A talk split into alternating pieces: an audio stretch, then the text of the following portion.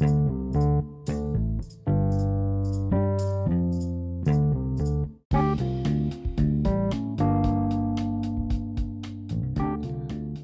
datang di podcast Bacotin Apa Aja Kali ini aku bakal membersamai kalian dengan sebuah tema berjudul Kehidupan kampus baiknya bagaimana Nah tentu dalam topik ini kita akan sama-sama mengetahui Sebenarnya kehidupan kampus itu bagi mahasiswa yang baik itu seperti apa sih? Dan pada kesempatan kali ini kita akan dibersamai oleh orang yang luar biasa juga Yaitu Presiden mahasiswanya Universitas Erlangga periode 2021. Jadi buat kalian tunggu apa lagi? Tetap stay tune, jangan ke mana-mana karena podcastnya akan segera dimulai.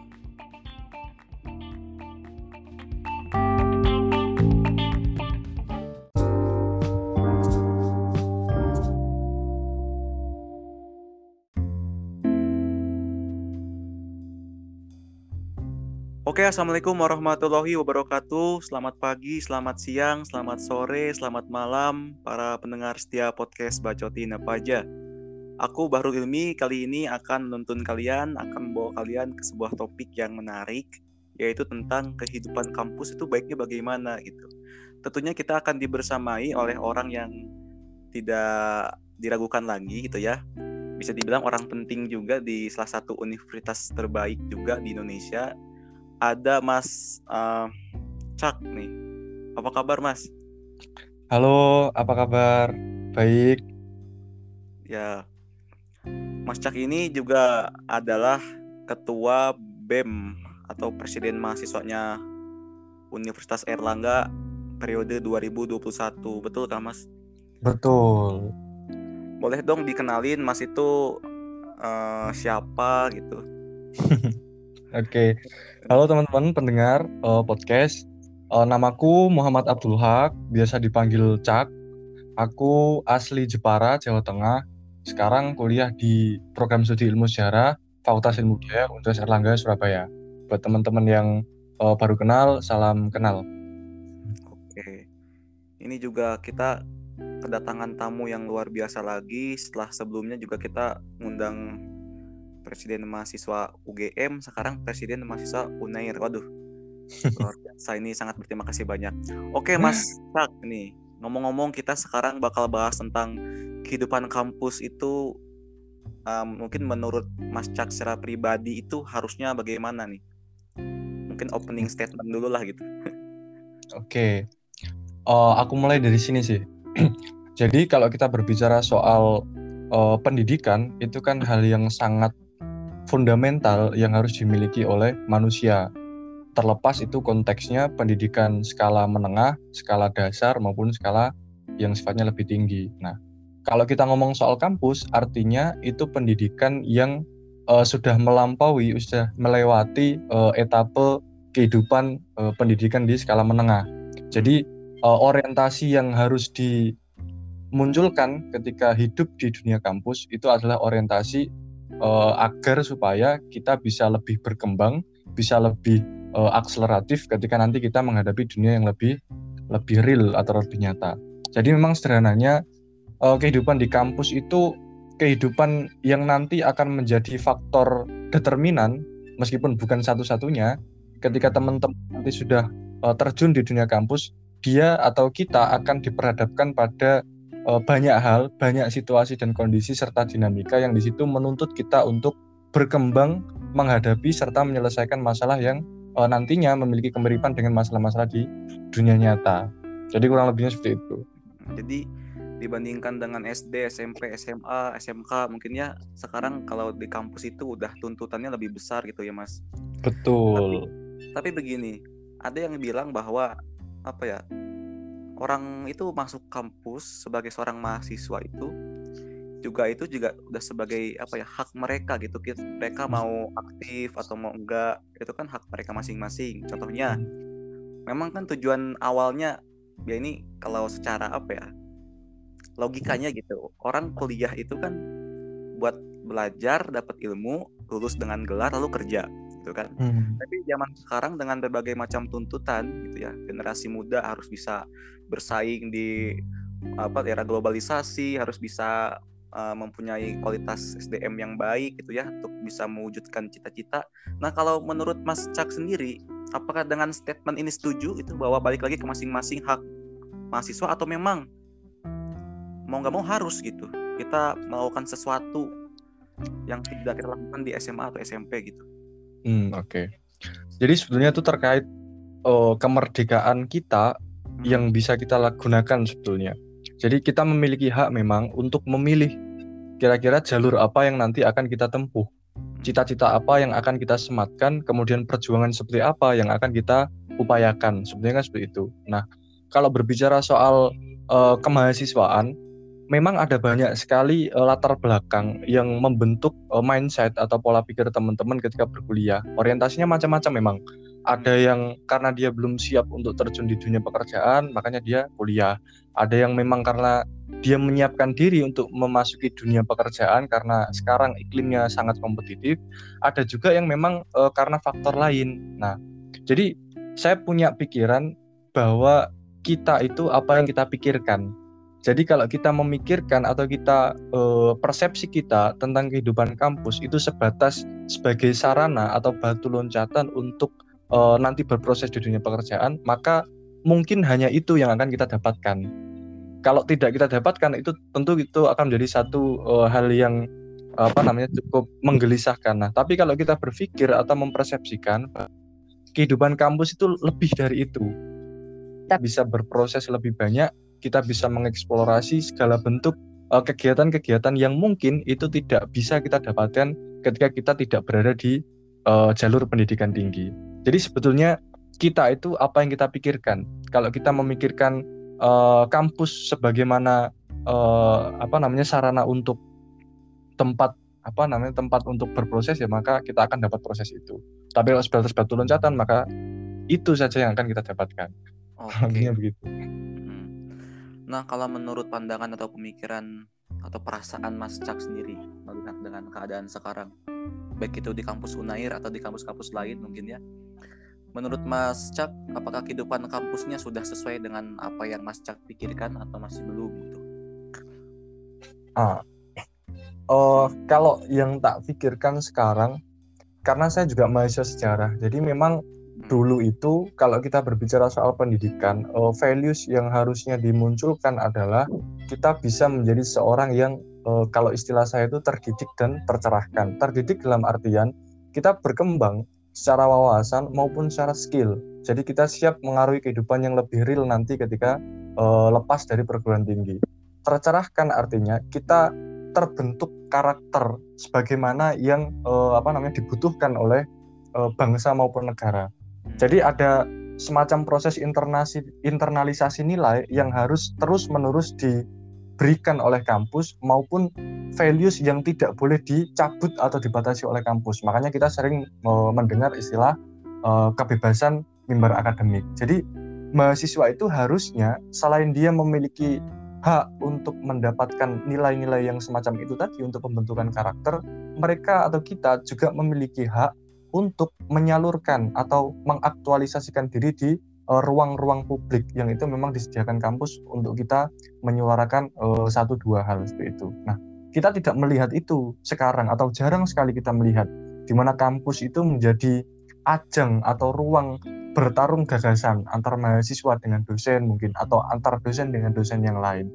Jarang sekali kita melihat uh, mahasiswa yang sekarang uh, apa namanya membaca buku secara tuntas kemudian mereview kemudian di uh, diskusikan dengan teman-teman yang lain. Jadi diskurs itu yang sekarang jarang sekali kita temukan karena mungkin orientasi sekarang atau mungkin kondisi sekarang itu menuntut kita untuk mengonsumsi hal-hal yang sifatnya lebih praktis. Ya. Nah itu berbicara tentang yang praktis-praktis itu kayak sudah semacam apa ya budaya kita gitu pengennya hal-hal yang praktis gitu ya tidak mau berproses dan lain sebagainya. Nah untuk sebagai seorang mahasiswa sendiri ketika sudah ada di lingkungan kampus misalnya di kampus itu kan seperti yang kita tahu ada berbagai macam wadah ya mas Cak. Kita bisa meningkatkan kualitas kita pribadi ber berorganisasi dan lain sebagainya ada UKM UKM ada BEM hmm. ada HIMA nah.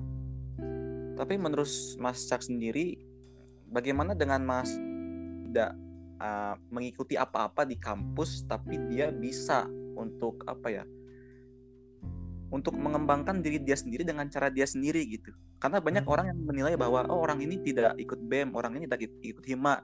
Nah berarti orang ini biasa-biasa saja gitu. Padahal mereka tidak tahu mahasiswa ini di luar itu ngapain. Bahkan bisa saja lebih terimplementasikan gitu dalam uh, sosialnya. Misalkan ya. dia dalam bidang bakti sosialnya maju tuh meskipun itu hanya secara pribadi dia aja tidak melalui organisasi atau apa pun. Nah kalau menurut pandangan Mas Cak sendiri mahasiswa itu ya emang boleh dengan cara mereka masing-masing atau lebih baik berada di wadahnya gitu. Misalkan masuk BEM atau gimana gitu.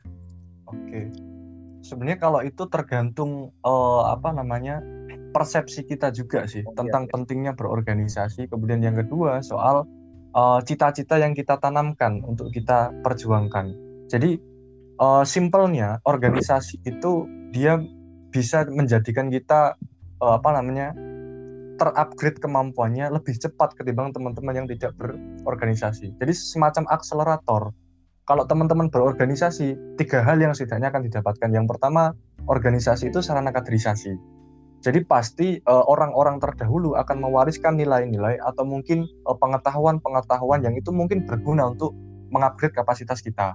Yang kedua, kita akan mendapatkan relasi di mana kita akan terlatih untuk menghadapi orang-orang dengan berbagai macam karakter maupun pemikiran. Jadi kita akan uh, apa namanya kecenderungan kita untuk menjadi seorang yang egois, kemudian orang yang bebal, orang yang keras kepala itu akan luntur ketika kita sering berhadapan dengan orang-orang yang berbeda. Nah, itu bisa kita dapat di organisasi. Yang ketiga, organisasi itu bisa menjadi sarana aktualisasi.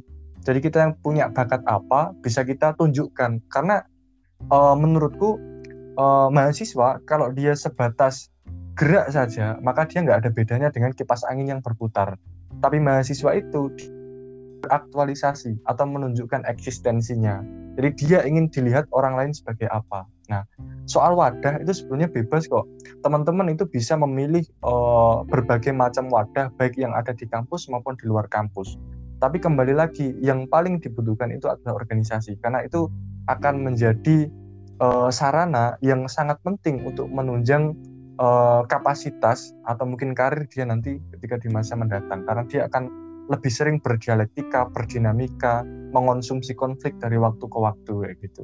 Oke. Nah, ini kalau ngomong-ngomong tentang kehidupan kampus yang baiknya seperti apa ya? Mahasiswa juga terkadang banyak yang mereka tidak tahu harus bagaimana gitu. Hmm. Belum ada pemikiran, oh ini yang harus dilakukan mahasiswa oh ini yang tidak boleh dilakukan mahasiswa nah kadang-kadang mereka tidak tahu misalkan ya tidak bisa membedakan dan belum bisa harus mau apa gitu nah ini kan berarti secara tidak langsung ada yang namanya apa ya pencerdasan gitu mungkin okay. juga bisa lewat uh, orientasi pengenalan kampus kayak PKKMB Betul. dan lain sebagainya nah itu kan salah satu cara juga tapi kalau menurut Mas Cak sendiri dengan cara-cara seperti itu apakah sudah efektif khususnya kalau sekarang di masa pandemi itu kan sekarang segala satunya kan beda nih gimana nih?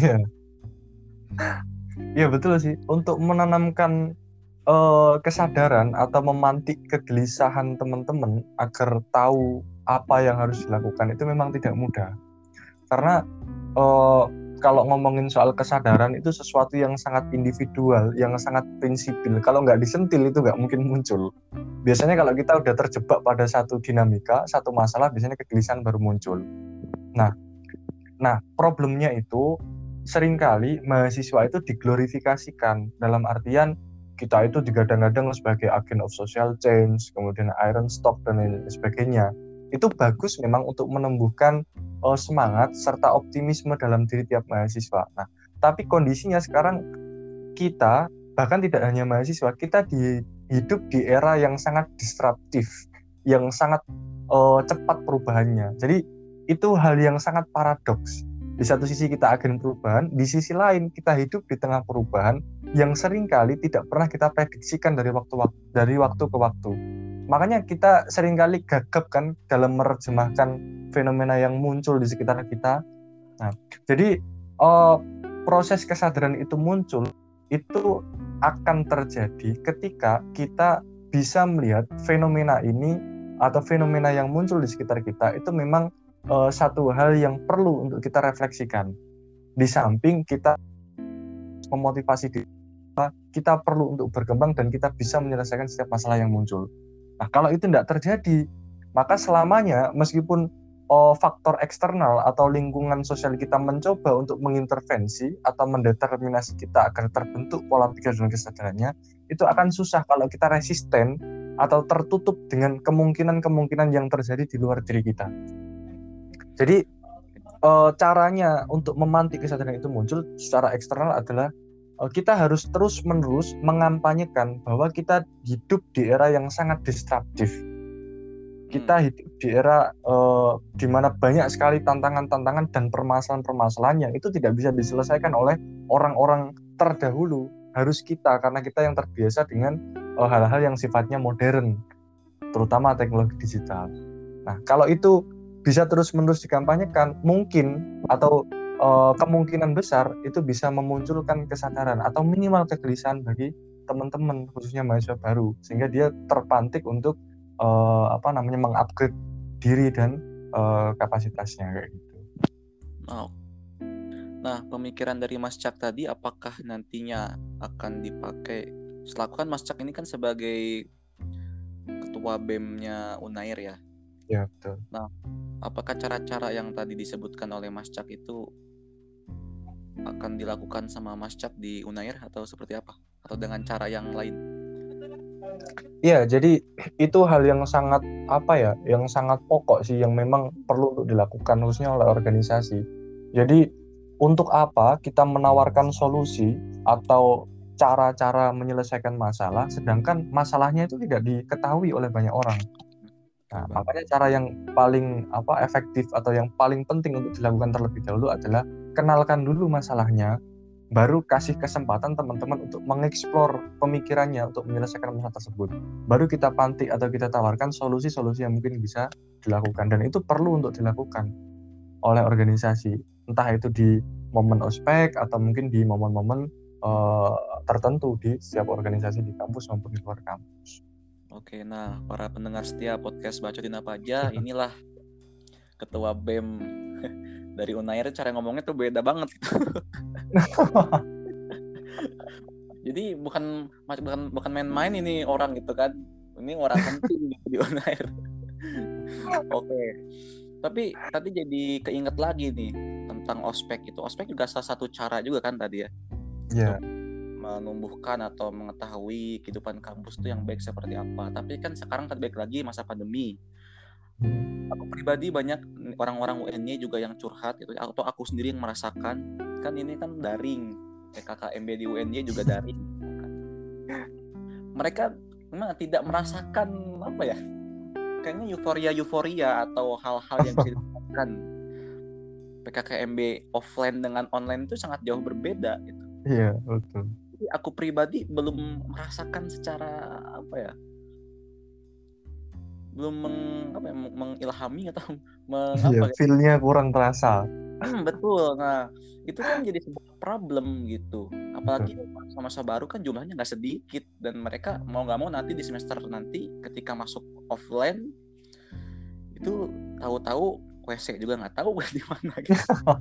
nanti sama mahasiswa baru yang angkatan 2021 nanti tanya kak WC di mana ya? Oh, maaf nggak tahu saya juga baru masuk. Ini kampus lah itu kan jadi apa ya? bisa jadi ke mental juga gimana gitu. Nah itu kalau menurut menurut Mas Cak untuk mengembalikan kondisi menjadi lebih baik lagi, gimana tuh caranya? Khususnya dalam Mas Cak sendiri di UN Unair itu gimana? Iya, sebenarnya hampir semua uh, kawan-kawan mahasiswa yang aktif di organisasi sekarang pengennya itu kegiatannya offline. Nah, tapi ya. kondisinya memang tidak memungkinkan untuk direalisasikan sekarang. Akhirnya kalau kita berbicara soal ospek online ya minimal minimal ini dua hal yang harus di uh, apa namanya berikan kepada teman-teman mahasiswa baru. Yang pertama betul tadi soal kondisi di kampus. Sekarang kan uh, tinggal bagaimana cara kita menunjukkan kondisi kampus itu tapi menggunakan saluran virtual kayak gitu bisa dengan cara uh, virtual 3D atau mungkin uh, melalui video dan lain sebagainya gitu. Minimal teman-teman tahu lah fakultasnya bentuknya seperti apa, kemudian ruang-ruangannya apa aja dan lain sebagainya kayak gitu. Kemudian yang kedua, uh, yang jadi kegelisahan teman-teman mahasiswa baru mungkin adalah terkait feel yang nantinya akan didapat ketika mengikuti ospek.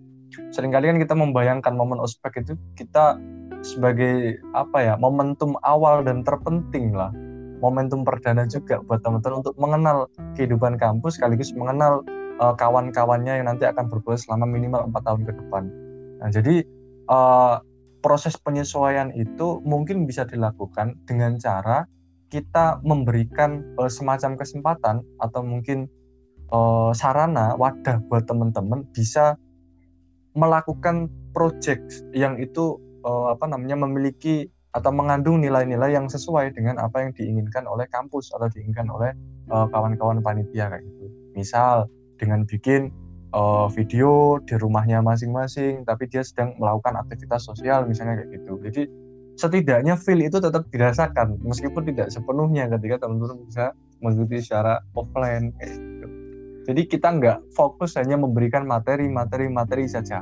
Karena seminggu ikut kegiatan ospek mulai dari uh, pembekalan sampai ospeknya. Kalau semuanya via zoom itu tentu akan sangat membosankan. Oke. Nah tapi di sisi lain juga mungkin akan menjadi sebuah cerita juga nanti ya. Kelas kita beda loh gitu ya. PKKMB-nya atau orientasinya ospeknya daring gitu. Dan yang jadi fokusnya juga ya masalah besarnya juga yaitu tidak terasanya kekeluargaan Hmm. Nah ini soalnya kan mahasiswa pasti kalau ospek on on off, offline kan pasti wah kenal teman banyak nih gitu ya. Udah akrab dari, dari uh, proses orientasinya juga dari ospeknya jadi udah pada akrab terus saling kenal. Tapi beda lagi kalau urusannya daring mereka ya kayak semata-mata ikut zoom udah beres ya udah. Mereka mereka masing-masing gitu dan lebih kasihannya lagi bagi mereka yang tidak memutuskan untuk ikut organisasi gitu. ah. ini kan jadi masalah gitu. betul jadi, sebenarnya memang banyak upaya memang balik lagi kan ke diri masing-masing gitu kalau kita udah tahu situasi seperti ini harusnya kita menyesuaikan kita harus tahu oh ya maklumi dan kita harusnya tahu seperti apa tapi balik lagi kadang kita tidak tahu gitu harus seperti apa seperti apanya. Betul. Nah ini kan pasti bukan hanya mungkin di Unair juga permasalahannya sama seperti itu. Ya. aku yakin bukan Unair aja. semua kampus. Ya pasti semuanya juga mengalami hal semacam itu. Nah tapi yang dipertanyakan sekarang adalah bagaimana mahasiswa-mahasiswa ini itu yang tadi aku bilang mereka tidak merasakan adanya rasa kekeluargaan karena kondisi ini ya. Hmm. terus mereka yang mereka mereka yang tidak ikut organisasi dan itu kan mana tuh? Pilu gitu. ya. Iya betul. Jadi memang gimana ya? Uh, rasa kekeluargaan itu akan muncul ketika kita ada nama ada human touch. Jadi kita bisa bersentuhan dengan manusia secara langsung. Karena meskipun kita melakukan aktivitas secara visual secara virtual ada tatap muka di situ tapi tidak ada sentuhan yang real yang itu bisa kalau istilahnya itu menusuk ke dalam relung jiwa katanya itu nah makanya um, sebetulnya yang lebih sulit adalah jadi kalau kita dengan hubungan dengan manusia hubungan interaktif dengan manusia itu kan bagaimana cara kita uh, untuk bisa berkompromi satu dengan yang lain atau mungkin bisa tahu positioning agar kita meminimalisir atau mengantisipasi terjadinya konflik antar uh, mahasiswa atau antar manusia. Nah, justru sekarang itu permasalahannya itu lebih besar. Jadi hmm. karena ini kita benar-benar dituntut untuk mengubah segala aktivitas sosial kita. Hmm. Jadi kita bagaimana cara kita untuk berkompromi dengan situasi sekarang seperti itu kan? Kalau kita berkompromi dengan manusia mungkin masih bisa lah. Ini situasi di mana kita nggak bisa memaksakan kehendak, tapi situasi itu sangat mengintervensi aktivitas sosial kita. Jadi kalau kita bisa menemukan uh, formulasi yang tepat, bagaimana cara berkompromi dengan keadaan, dengan situasi, maka ketika kita nanti sudah uh, apa namanya menjalani aktivitas sosial seperti semula, tidak lagi virtual, mungkin kita akan lebih uh, vokal ya atau lebih lebih bisa lebih cakap untuk berkompromi dengan manusia-manusia yang lain atau mungkin dengan situasi-situasi yang mungkin itu tidak terlalu sulit atau tidak lebih sulit ketimbang situasi yang kita hadapi sekarang. Gitu. Jadi justru rasa kekeluargaan itu seharusnya bisa muncul ketika semuanya tahu bahwa sekarang itu situasinya sangat sangat sulit untuk kita lalui. Jadi harusnya itu bisa menumbuhkan kekeluargaan. Meskipun itu uh, belum belum bisa uh, menyebar secara luas uh, rasa kekeluargaan itu dalam waktu yang sangat singkat. Oke. Jadi intinya mohon bersabar ini ujian gitu ya. Jadi biarkanlah ini menjadi cerita gitu. Nanti udah gede kita ceritain ke anak cucu atau ke mana saudara yang kuliah nih. Aku dulu kuliahnya gak gitu loh daring kita menghadapi situasi yang luar biasa gitu. Dan yang aku banggakan dari mahasiswa di masa pandemi ini mereka tetap mengawal isu-isu. Oh, oke. Okay. tidak terhalangi dengan pandemi. Contohnya kemarin-kemarin kayak omnibus law turun ke jalan hmm. atau ada juga nih masalah yang hangat-hangat nih. Mungkin di Unair ada atau enggak ya aku nggak tahu ya. Tentang penyesuaian biaya pendidikan nih. Hmm, okay. nah, apa ya banyak yang bilang kenapa bayar uang kuliah satu semester full tapi kan sekarang daring kita tidak merasakan fasilitas nah kalau menurut Mas Cak sendiri pada saat itu gimana nih tanggapan dan apa ya pendapatnya gitu tentang hal ini hmm. jadi betul memang uh, bahkan kalau kita pakai logika itu ya logika bisnis kalau kita membayarkan sesuatu itu kan sesuatu itu harus kita dapatkan baru kita bayar. Contoh lah kalau kita ke Indomaret kita kan beli produknya hmm. uh, kalau produk itu worth it baru kita bayarkan. Atau biasanya sudah tertera harga tapi langsung kita konsumsi habis barangnya. Nah ini enggak. Jadi kita membayar di awal untuk aktivitas selama enam bulan ke depan gitu. Ibaratnya bayarnya di awal gitu. Dan belum lagi kadang perkuliahan kita misalkan seharusnya 14 pertemuan tapi ada dosen yang absen beberapa pertemuan kan harusnya kita rugi padahal kita bayarnya penuh di awal. Nah belum lagi sekarang kondisinya uh, secara apa namanya secara pragmatis fasilitas yang kita dapatkan itu tidak tidak uh, sebagaimana yang kita dapatkan ketika mengikuti kegiatan uh, perkuliahan offline. Nah, jadi penyesuaian itu memang harus dilakukan oleh kampus. Setidaknya ketika tidak ada penurunan atau pengurangan nominal biaya kuliah uh, realokasikan untuk fasilitas-fasilitas penunjang yang lain gitu. Misalnya teman-teman ketika uh, ada kegiatan entah itu sifatnya uh, individu di kampus misalnya riset dan lain sebagainya atau mungkin kegiatan keorganisasian harusnya ada alokasi yang memang sudah disiapkan. Yang itu uh, tidak apa ya tidak tidak bisa diserap oleh kegiatan-kegiatan yang lain gitu. Dan itu hanya beberapa kampus yang uh, memiliki format semacam itu.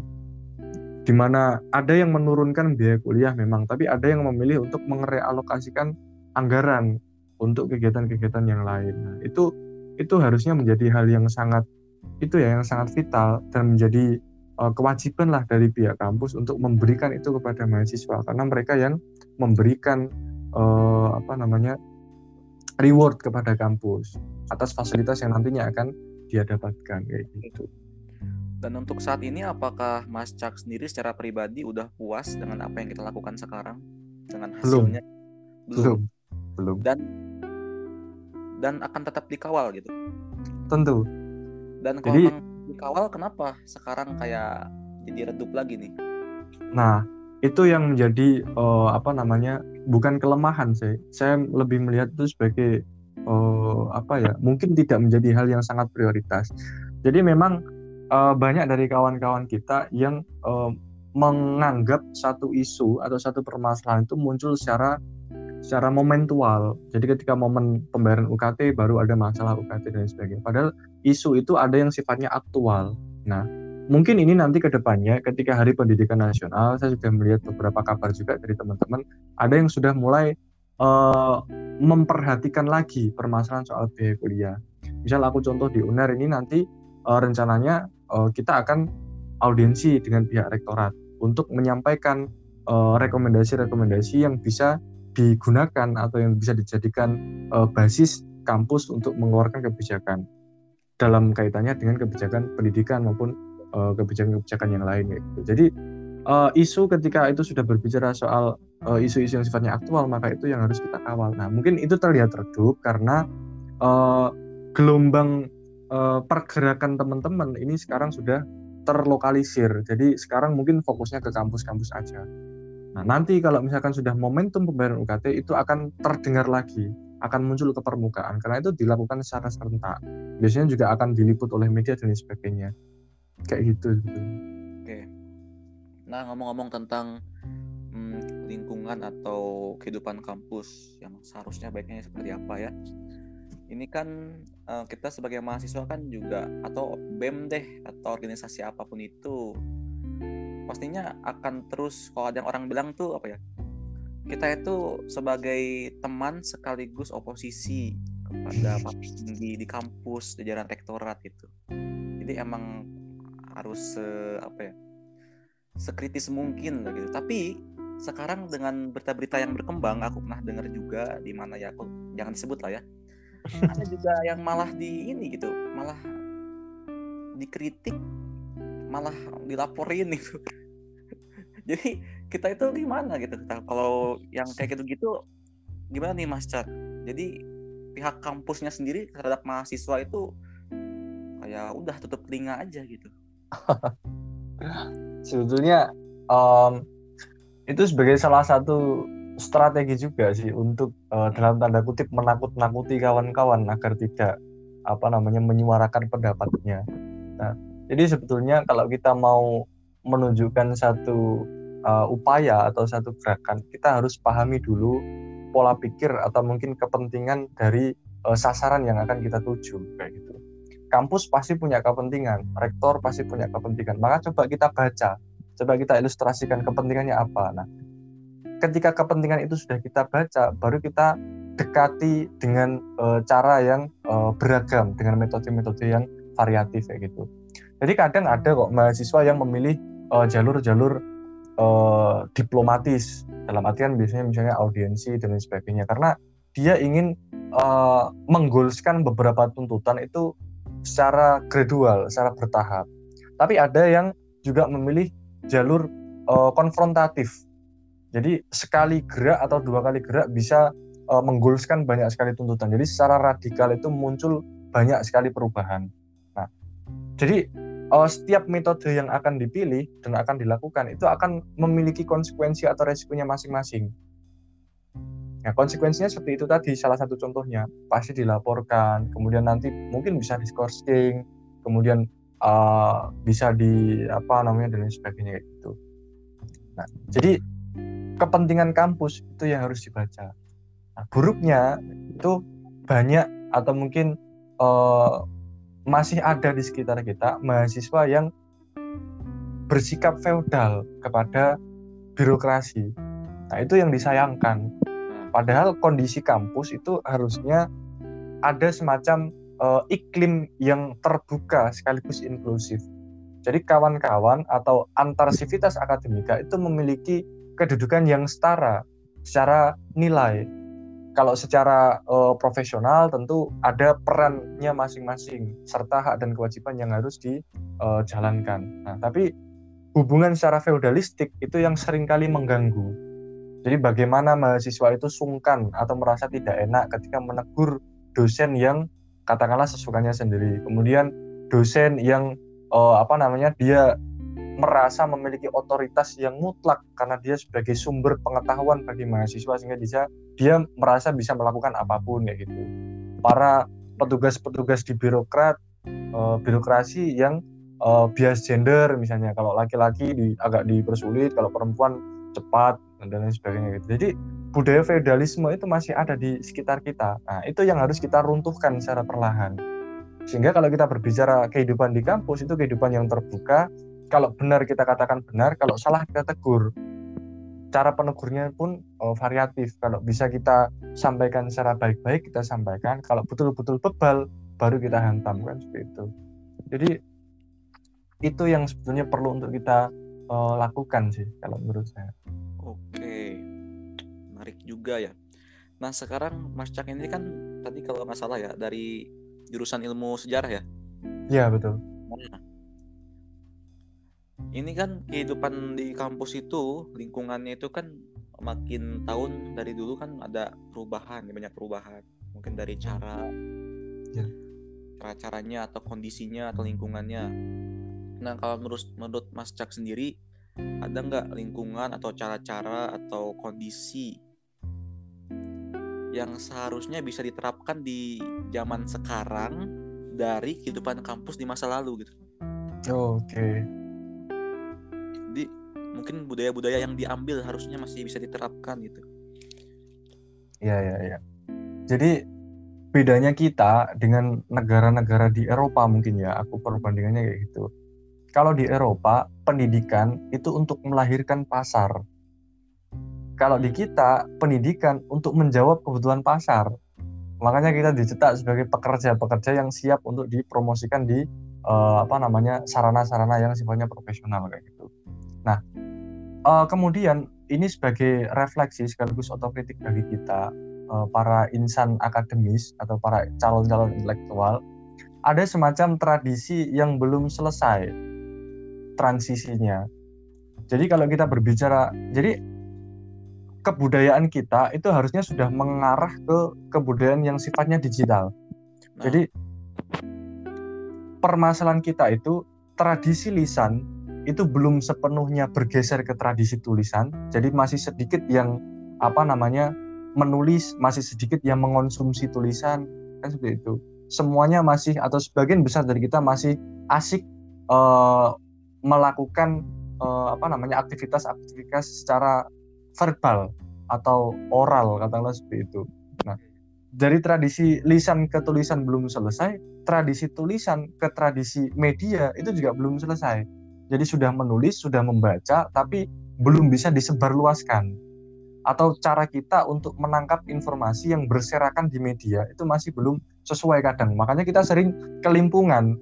Tiap hari ada isu banyak sekali, kemudian kita belum bisa fokus atau sangat susah untuk fokus Nah. menghadapi satu permasalahan. Kalau dulu kan enak gitu loh. Ada satu permasalahan kita bisa fokus.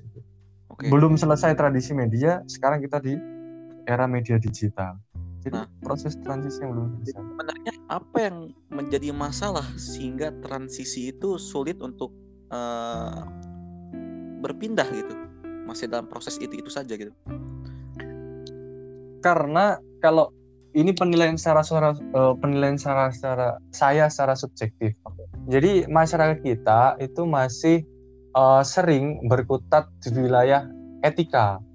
Jadi lebih suka menilai mana yang baik, mana yang buruk, ketimbang memilih mana yang berguna dan mana yang tidak. Kan kadang kadang ada sesuatu yang itu tidak baik untuk diri kita, tapi berguna untuk orang lain atau berguna untuk diri kita lah minimal seperti itu. Nah, jadi lihat coba perdebatan di media sosial. Kenapa kok netizen Indonesia itu sangat keren, bahkan tidak ada yang menandingi bahkan. Hmm. Karena kita lebih suka ke hal-hal yang sifatnya viralitas, hal-hal yang sekarang lagi ngetren, kemudian hal yang sifatnya rivalitas. Jadi mana yang sedang ber apa, berkonflik. Nah, jadi fokus kita kan mengarah ke situ sekarang. Ya kan? Ketimbang uh, merumuskan mana sih sesuatu yang berguna untuk saya konsumsi. Sehingga pandangan kita itu visioner gitu loh ke depan. Jadi kita lebih berkutat, sering kali berkutat ke wilayah etika. Jadi mana yang baik, mana yang benar. Suka untuk menjustifikasi. Padahal kebutuhan kita untuk mengupgrade diri, untuk berkembang itu sangat lebih penting sebetulnya menghadapi era yang seperti ini yang serba dinamis. Mas Cak, eh, kita beda sama Cina, gitu kan? Ini kita perbandingan sama Cina, misalkan. Oke. Indonesia kan lebih mengedepankan eh, ketuhanan dan kemanusiaan. Oh, oke. Ya, negara yang mengedepan mengedepankan ketuhanan dan keprimanusiaan itu susah untuk maju. Hmm, Ini balik lagi tadi kalau masalah etika tadi. Bener, Ya. karena orang-orang di kita kan orang-orang yang beragama. hmm, Pasti bener aja gitu. Tapi kan ini tidak lepas bahwa ideologi kita kan Pancasila. gitu. Jadi apakah ini tanda sampai kapan pun eh, transisi itu yang tadi disebutkan tidak akan pernah beres-beres gitu. Karena kondisi kita, pemikiran kita dan cara kita ya pandangannya seperti ini, menilainya hanya yang mana yang baik yang buruk gitu tidak Hmm, mana, yang berguna yang tidak berguna gitu itu gimana Hmm. nih Iya. Kalau saya ambil contoh ya, negara yang eh, apa namanya mayoritas Muslim tapi berkembang, misalnya Iran. nah itu Ya. apa yang membedakan tuh Iran dia pengetahuan atau ilmu pengetahuan dia sangat hidup. Bahkan kalau kita berkunjung ada beberapa kawan atau eh, senior yang kebetulan kuliah di Iran, bahkan orang-orang di jalanan pun itu sangat apa ya? Sangat tidak terlihat kalau mereka itu orang yang sedang eh, apa namanya dalam kondisi yang kesulitan. Jadi kedermawanannya, kemudian bagaimana eh, para eh, mahasiswa itu sangat aktif melakukan diskusi, kemudian melahirkan banyak sekali eh, tren-tren eh, kebudaya maupun teknologi-teknologi yang eh, cukup bagus. Nah, itu yang tidak kita miliki. Dan nah, meskipun mereka itu secara ideologis, ideologi negara itu yang penting bukan Amerika kan itu. Nah, kita kan nggak seperti itu.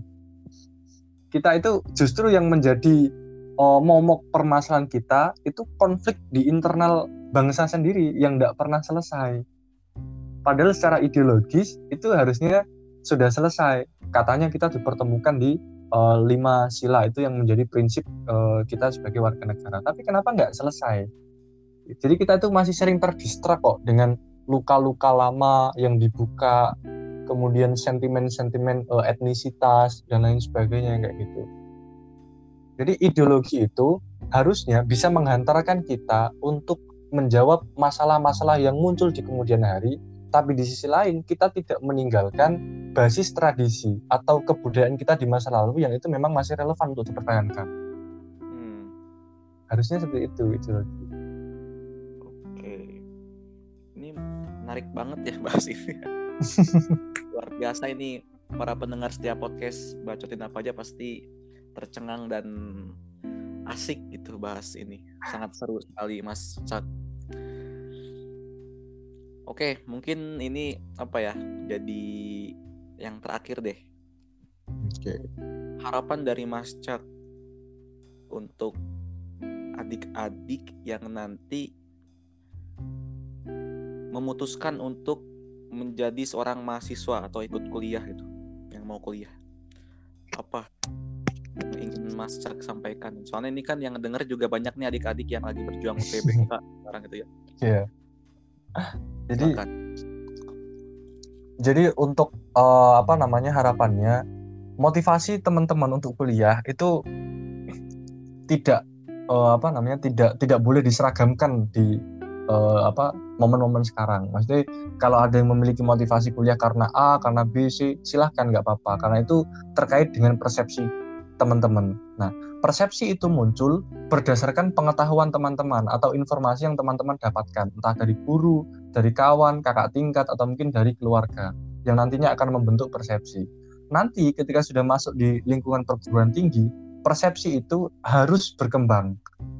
Dengan cara apa? Dengan cara mengeksplorasi eh, beragam informasi dari berbagai macam saluran. Sehingga pola pikir kita nantinya akan terus-menerus eh, terasah, akan terus-menerus berkembang.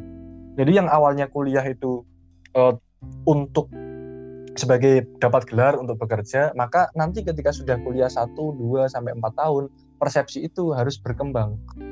Jadi bagaimana caranya kita bisa berkuliah untuk minimal menyelesaikan permasalahan diri dan lingkungan di sekitar kita lah, meskipun uh, skupnya itu sangat mikro kayak gitu.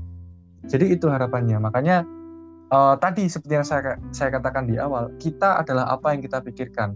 Kalau kita menganggap analoginya, kalau kita menganggap kayu itu sebagaimana kayu, maka kayu itu akan kita fungsikan untuk memukul, untuk mengganjal ban uh, mobil agar tidak apa namanya tidak berjalan misalnya atau apa. Tapi kalau kita melihat kayu itu sebagai bahan yang bisa kita olah untuk meja, kursi dan lain sebagainya, maka cara kita menfungsikan atau menyikapi kayu itu akan lebih berkembang, akan lebih uh, variatif.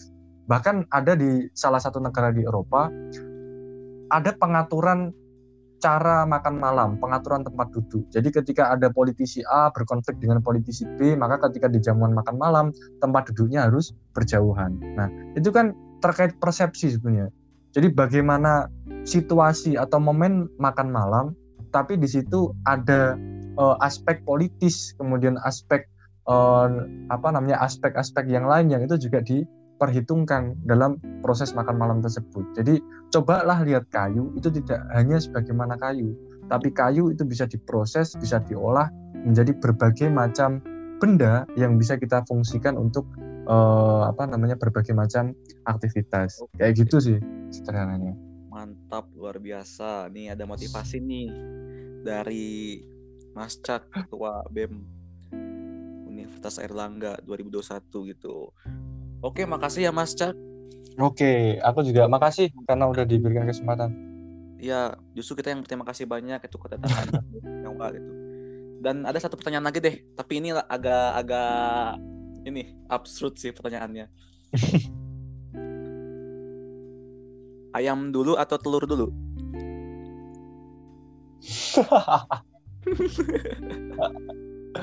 kalau saya kalau percayanya ayam dulu sih.